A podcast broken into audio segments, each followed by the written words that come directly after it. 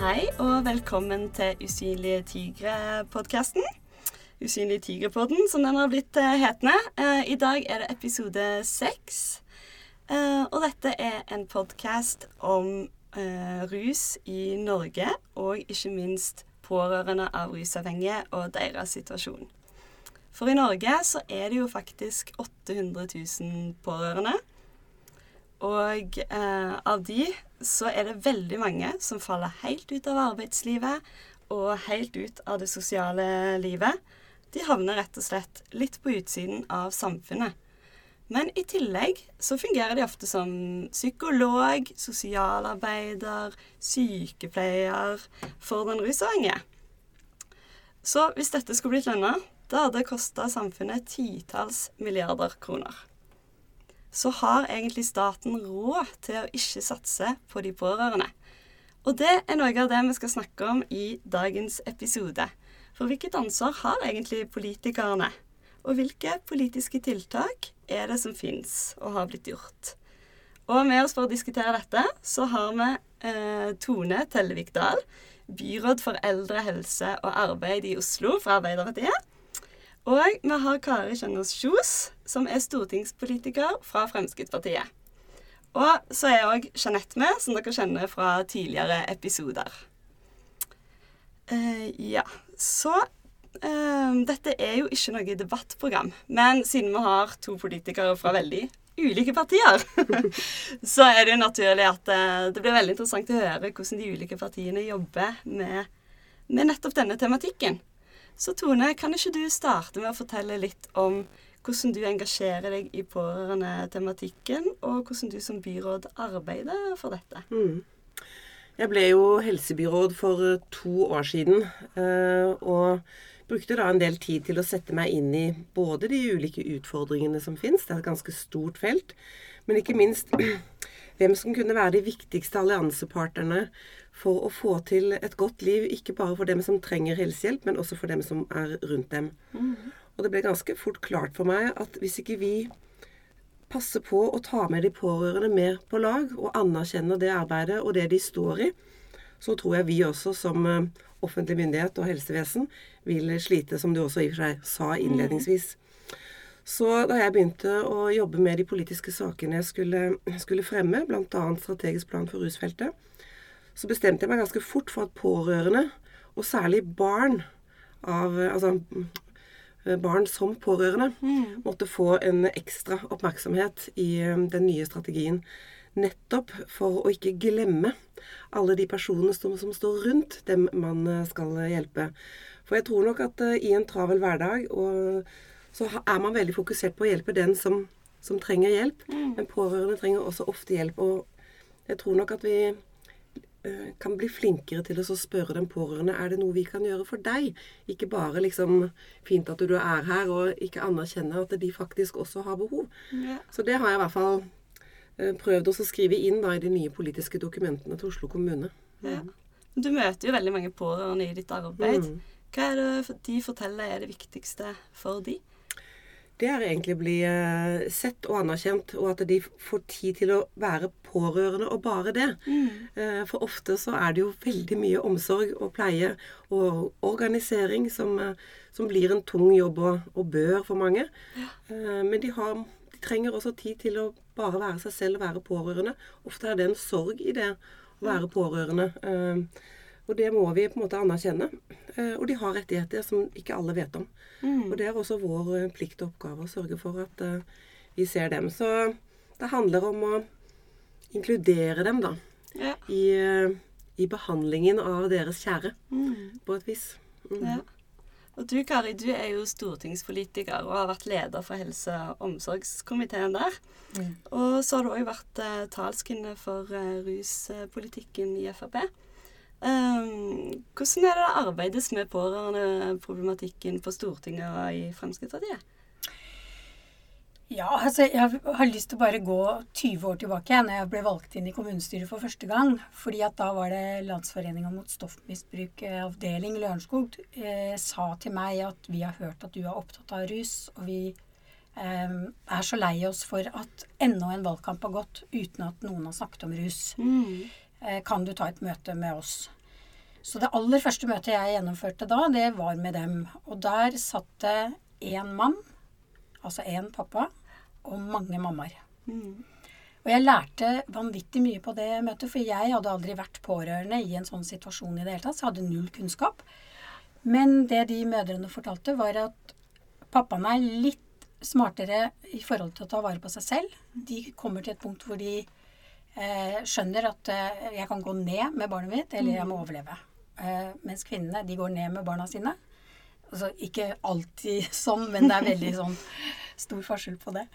Og det jeg oppdaget, akkurat som du sa innledningsvis, veldig mange av de damene var uføretrygda. Ikke pga. en eller annen sykdom, men fordi de var utslitt. Og det var jo ikke en situasjon de ønsket. Og så når de sa til meg at det beste, den beste tiden de hadde, det var når barna var inne og sonet. For da var barna De følte at barna var trygge, pluss at de fikk pusterom. Ehm, jeg får helt frysninger når jeg snakker om det, egentlig. Ja, fordi at eh, jeg lærte så innmari mye den dagen. Og det tok jeg med meg i det arbeidet som jeg har gjort eh, opp igjennom i, i alle år. Og jeg tror nok det er derfor at rus og psykisk helse på en måte ble min greie Ja. hele tiden. Em, de første årene snakket vi bare om pårørende, så snakket vi på en måte om mamma og pappa. Mm. Eh, etter hvert så begynte jeg å møte søsknene, og skjønte at de er også en pårørendegruppe som kanskje er oversett enda mer. Ja. Eh, og møte eh, barn som forteller hvordan det er å leve med søsken som har sånne problemer, det var på en måte en sånn nytt sjokk for meg. Så jeg begynte å gå gjennom hva vi hadde av systemer og rettigheter og kampanjer og alt som er. Og eh, pårørende har en del rettigheter, Mm. eh, men det var som sagt eh, retta mot voksne. Nå har vi endret mye lovverk. Eh, De seks årene vi har sittet på Stortinget nå, så har vi gjort veldig mye på pårørende eh, i forhold til rettigheter. Mm. Men de er, eh, som Tone sier, ikke kjent. Nei. Eh, Det er det ene problemet. Det andre problemet, som er et spark til helsevesenet, det er eh, holdninger. Ja. Det er for mange innenfor systemet som skal hjelpe, som ser på pårørende som en eh, belastning. De er i veien, de maser. De gjør, gjør det ekstra tungt å jobbe for de som skal hjelpe. Mm. Og eh, jeg har truffet noen pårørende som er grunnen til at barna sliter. Så jeg forstår at noen ganger så er det viktig å holde pårørende unna. Men det er veldig, veldig få. Ja. De aller fleste pårørende er en kjemperessurs. Og hvis, eh, hvis vi bare kunne få systemet til å få bruke de for det de er verdt, eh, anerkjenne all den kunnskapen de sitter med, for det er ingen som har mer kunnskap, Nei. så ville det gått eh, veldig mye bedre. Og så må kommunene sette seg inn i hvilke rettigheter pårørende har, og informere om det. Ikke la det være en hemmelig skatt Ja. som ligger der. Skjønner. Ja, jeg får veldig lyst til eh, Her kommer eh, hun som ikke er så skolert i det politiske nødvendigvis. Men, men én ting er det med at eh, pårørende Altså eh, helsehjelp. Mm. De rusavhengige trenger helsehjelp. Det er ingen tvil om at det er fysisk og psykisk belastende å være pårørende. Vi, vi blir også syke, sånn at uh, det trengs jo helsehjelp her òg. Så snakker vi om rettigheter. Begge dere to snakker om rettigheter. Men hvilke rettigheter er det egentlig man har? Går det an å oppsummere sånn kort? Hva, hva slags rett har man når man er pårørende? Man har rett på helsehjelp, man har rett på omsorgsstønad, man har rett på bistand, man har rett på opplæring, eh, avlastning. Oi, og, og hvor Fordi jeg ligger i pleie- og omsorgsloven, den kommunale pleie- og omsorgsloven. Ja, Fordi vi møter jo i Usynlige tigre på, på denne offentlige gruppa, så er det jo Og det sa jo også Jan Gunnar Skoftedalen da han var her i første episode. Han er fortsatt overraska at det faktisk situasjonen er sånn. Når folk opplever og plutselig skjønner at de har et rusproblem i familien, så aner de ikke hvor de skal henvende seg. Nei. De vet ikke hvor de skal gå. Det, da har du bare begynt i den prosessen som kan ta 20-30 år. Eh, ja. eh, så, så ikke sant. Hvor går man? Ja. Tone. Og ikke sant, kommunen, hva er det? Det er et stort, sort hull. Og det, de er organisert på ulike måter landet, landet over. Og det som har vært eh, mitt mantra når jeg har jobbet eh, nå med å, å få vært på ruspolitikken og også psykisk helse, det er at eh, vi må organisere oss Sånn at eh, de pårørende og innbyggerne våre slipper å finne ut av hvordan eh, kommunen er. Så vi må sørge for at den første personen som den pårørende møter, det blir kontaktpersonen, og så er det den kontaktpersonen som har ansvar for å koordinere og samtale med resten av kommunen, for å si det sånn.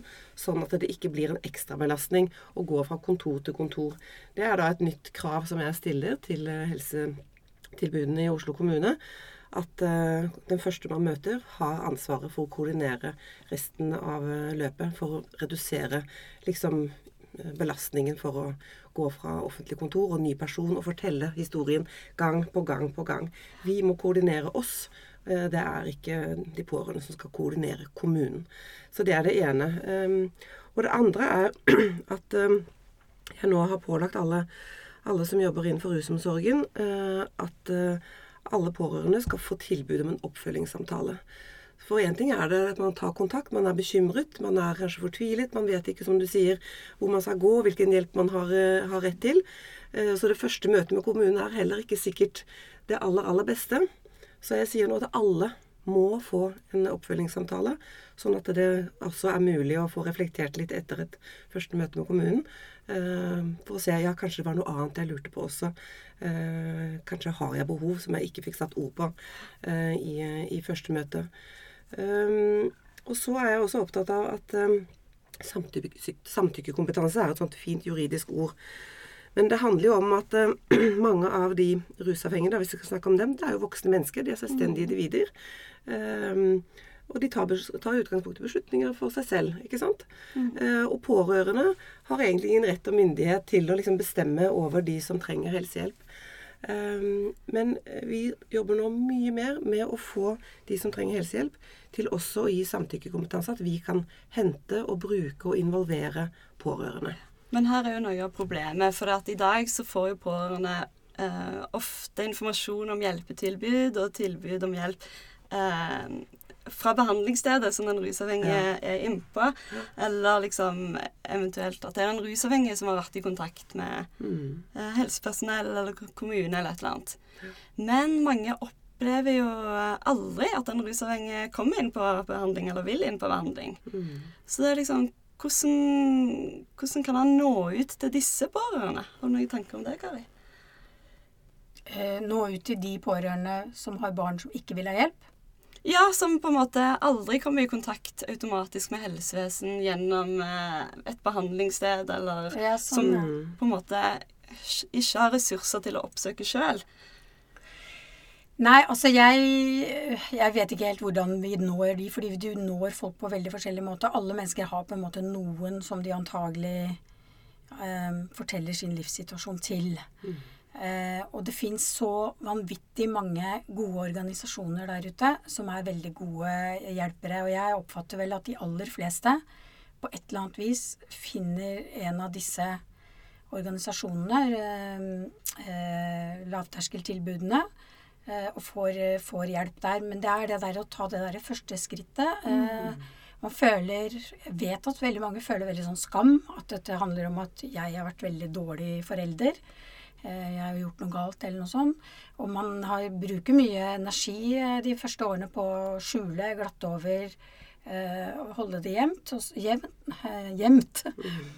Og så er det sånn at når, når, ting rett og slett ikke går lenger, da er det egentlig kommet for langt. Mm. Så eh, det er jo sånn, Vi pleier ofte å pålegge fastleger veldig, veldig mye. Men jeg igjen, fastleger er en veldig sånn, viktig brikke i forhold til å kartlegge. Er det noe i livet ditt som er vondt og vanskelig? Er det noe mm. Altså bare det å nevne for fastlege at eh, vi har et barn som har et stort rusproblem. Fastlegen kan være en kjempeviktig bit inn til å kanalisere, i hvert fall til å få litt informasjon, møte andre i samme situasjon, forstå at man ikke er den eneste, forstå mm. at det er ingen grunn til skam. Så, eh, men det er det som er vanskelig når vi jobber med mennesker, fordi alle mennesker er forskjellige. Eh, så vi har jo på en måte ikke én pakke som passer for alle. Nei. Men så er det jo Ja, Tone? Ja, nei, altså, jeg er veldig enig i det Kari, Kari sier. Og jeg tror at det, eh, også på dette feltet, som en del andre eh, felt innenfor helsepolitikken, som psykisk helse, så, så, er det bare viktig at iallfall vi som har eh, en posisjon hvor vi ofte kommer, kan snakke ut til mange mennesker, faktisk også snakker om dette for å informere, for å prøve å senke terskelen, eh, for å ufarliggjøre det, for å liksom drepe en del myter, fjerne stigma. Det er også et ansvar som vi som folkevalgte har, for å snakke om at eh, selv om du har noen du er pårørende for som ikke ønsker hjelp, så kan du få hjelp. Enten gjennom frivillige organisasjoner, som vi som kommune f.eks. gir eh, tilskudd til, selvhjelpsgrupper, eh, eller man kan få, som, som du, Kari sier, eh, bistand av, eh, av fastlegen. Det hjelper alltid å snakke om det for å prøve å vise at man er ikke alene. 800 000. Det er ikke få, og egentlig så er vi, kommer vi alle til å være pårørende en eller annen gang i livet. Men da med, sant, med ulike Ikke alt handler om rus, men man er pårørende Ja. eh, på, på et eller annet eh, tidspunkt i livet.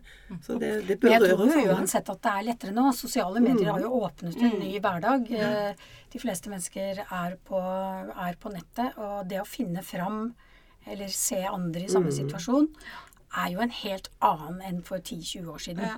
Så jeg, jeg tror vi når folk, eh, i hvert fall med informasjon, på en mye bedre måte. Og jeg sier det ofte når jeg holder innlegg til organisasjonene. De må være flinke til å på en måte selge seg ut.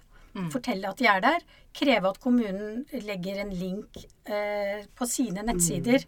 At man kan, Hvis man går inn på kommunens sider, altså man kan linke seg til de organisasjonene som ligger i vår kommune.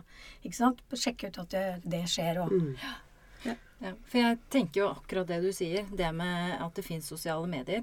Vi ser jo nå Det fins jo skjulte grupper for pårørende til rusavhengige på Facebook. Imidlertid så, så er det den gruppa vår, Usynlige tigre, er jo offentlig. Helt bevisst. Fordi, som Merete Almås, som også var med i en episodeinnspilling her nå nettopp Det er jo vi som er pårørende. Som kan gjøre noe med å få bort skam og få bort tabu med, med å vise hvem vi er. Hvilken situasjon vi står i. Og det er jo så mange, det var som Kirsti Halvorsen i NKS Veiledningssenter sa, de som endelig tør å ta opp røret og ringe dem. Da er de utslitt. De har prøvd alt. De er blitt uføre. Sånn som vi snakker om. De er blitt, de er syke. De er slitne, utslitt. Så det der i det hele tatt klare å finne frem, det er nå én ting. Men i det hele tatt å skjønne sjøl at jeg er faktisk blitt syk av det her. Det er jo en Og det å se seg selv i en pårørendesituasjon, det har man jo ikke lyst til.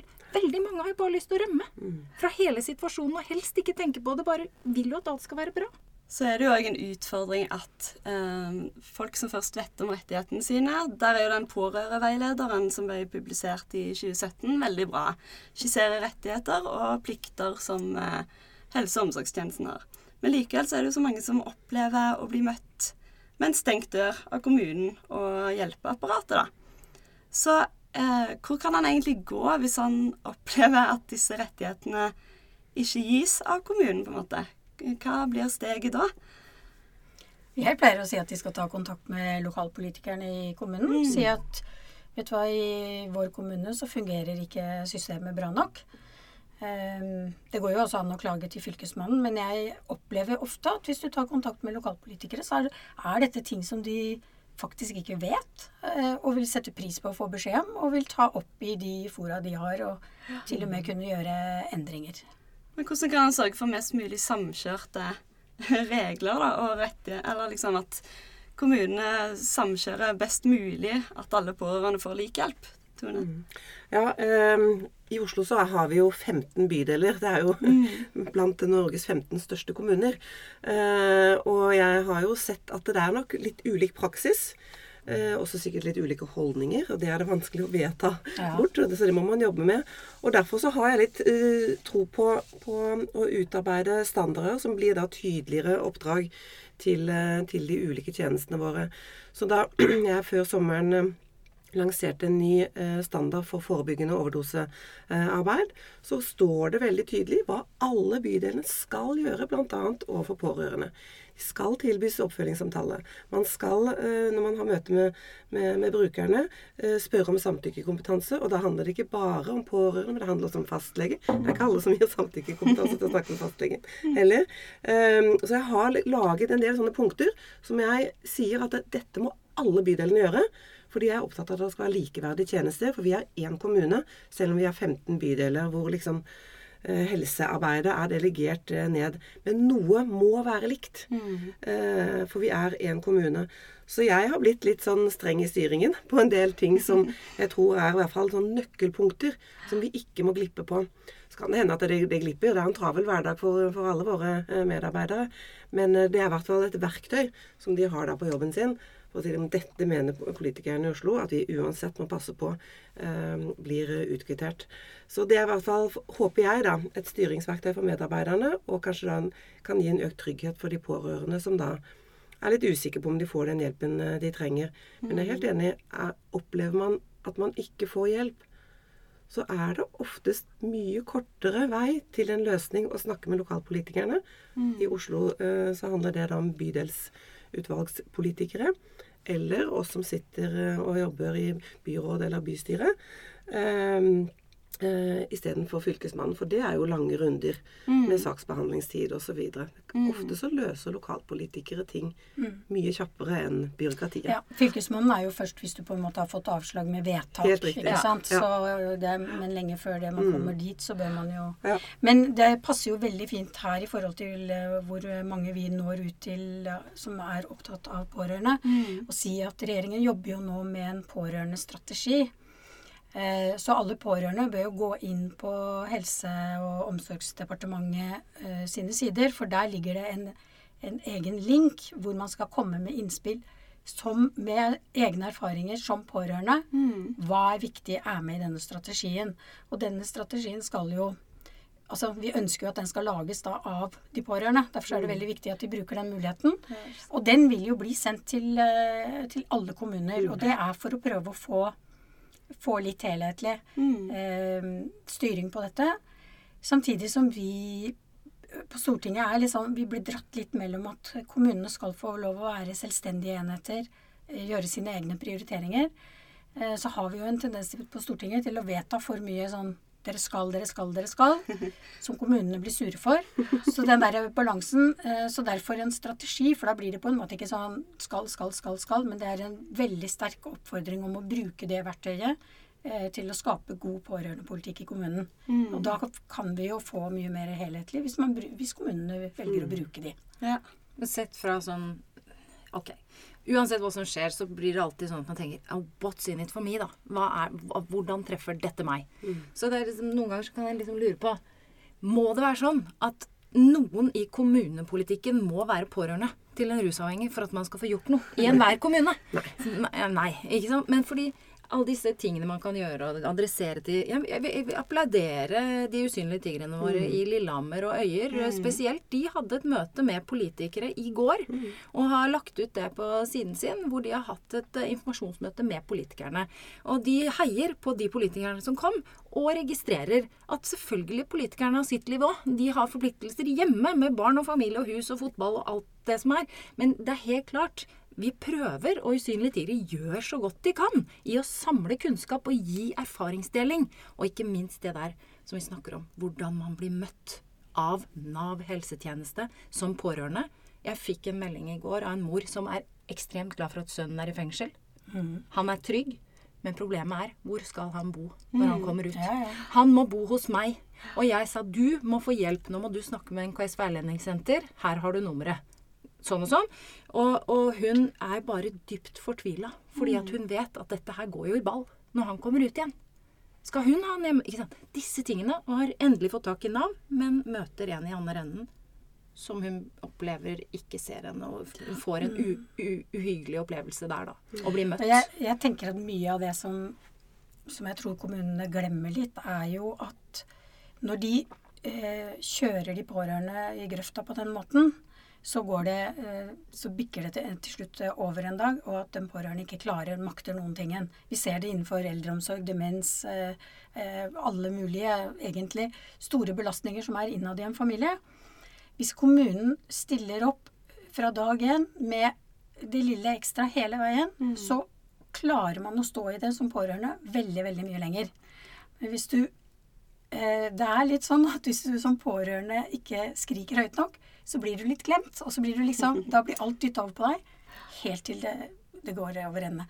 Og det, jeg tror Jeg tror egentlig alle forstår det, men det er litt vanskelig å gjennomføre i praksis. Det har vi sett. Så, men jeg er helt enig med Tone. Vi kan ikke vedta holdninger. Dette er et kontinuerlig arbeid eh, å endre holdninger. Altså, for jeg syns at det er kanskje den største utfordringen vår. Men da må vi òg snakke litt om eh, barn som pårørende. For de er jo den mest sårbare gruppa. Som gjerne ikke kan skrike høyt og ikke kan stå opp for seg sjøl. men hvordan kan han styrke håndteringen av denne gruppen her, da? For det krever jo veldig tidlig involvering. Og det er jo egentlig bare det offentlige som kan ta ansvar for barn som på en måte ikke kan stå opp for seg sjøl. De har jo nettopp fått egne rettigheter som eh, pårørende av søsken. Det er jo helt nytt at de nå blir likestilt eh, helt. Det betyr at eh, man har krav på avlastning i forhold til å eh, Fordi det, det barnet som er igjen i familien, eh, som prøver å leve et normalt liv, har ofte fortalt om det. Tør ikke ta med seg venner. Eh, alt er kaos. Avtaler, ting de hadde tenkt å gjøre, faller i grus fordi bror eller søster skjer noe med. Eh, det er uforutsigbart, utrygt. Eh, og der vil, har barn nå egne rettigheter i forhold til at det skal skje noe rundt familien som gjør at ting skal være mer forutsigbart og trygt for søsken. Men dette er en helt ny lov av i år. Uh, og erfaringsmessig så uh, tar ting tid før det setter seg litt. Og jeg tror nok at kommunene må prøve seg litt fram.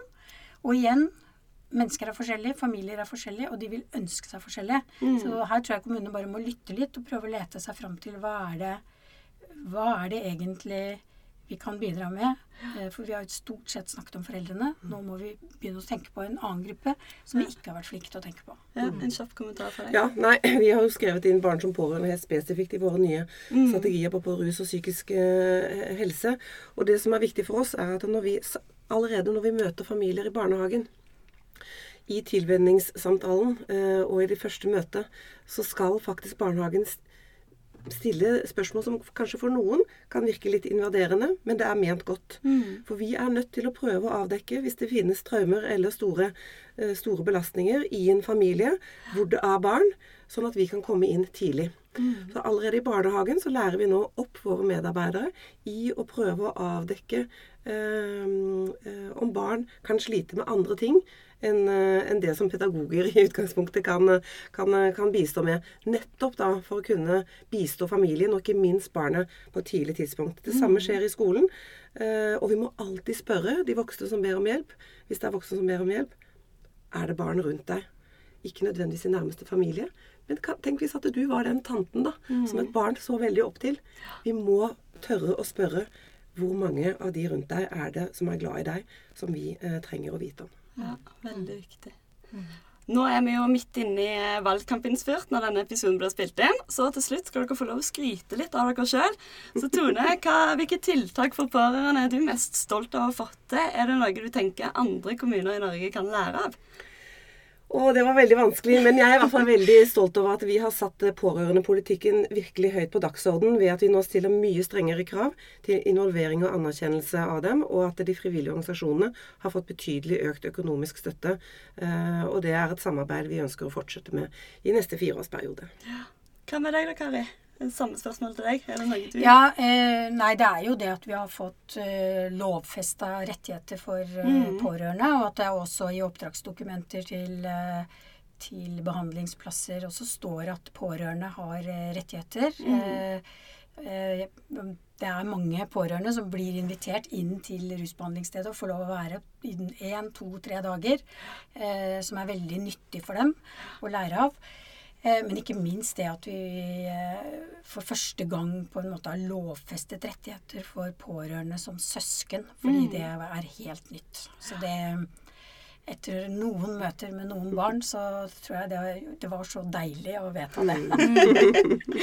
ah, det er så fint å høre. Ja, det er mange av usynlige tigre som er søsken. Ja. Så dette, dette kommer til å bli satt pris på. Vi gleder oss til å lære mer og se mer hva det betyr i praksis, ikke minst. Og vi vet jo det at vi som er søsken, vi har et langt liv foran oss. Mange er prega uh, allerede. Men som pårørende generelt så blir man jo prega. Og selv om den rusavhengige får helsehjelp og slutter å ruse seg, så kan jo pårørende slite med de traumene og med de skadene de har fått i lang tid etterpå. For det må jo bearbeides. Så det er mye penger å spare på å gjøre et godt pårørendearbeid på ulike felt i hele landet, tenker Absolutt. Jeg. Mere av det. Og heia dere. Ja, Vi er veldig glad for at vi har to politikere som dere som engasjerer dere veldig i den tematikken. Og tusen takk for at dere eh, kom til innspillingen av denne episoden. Så håper vi dere som hører på, har eh, fått litt mer innsikt i hvordan politikere jobber med det, og hvilke rettigheter som faktisk finnes der ute. Um, så vil det jo legges ut episoder fort, fortløpende, som du kan enten gå inn på usynligtigre.no, eller så finnes det òg på Spotify og egentlig overalt der du kan høre på podkast. Så tusen takk for oss. Tusen takk.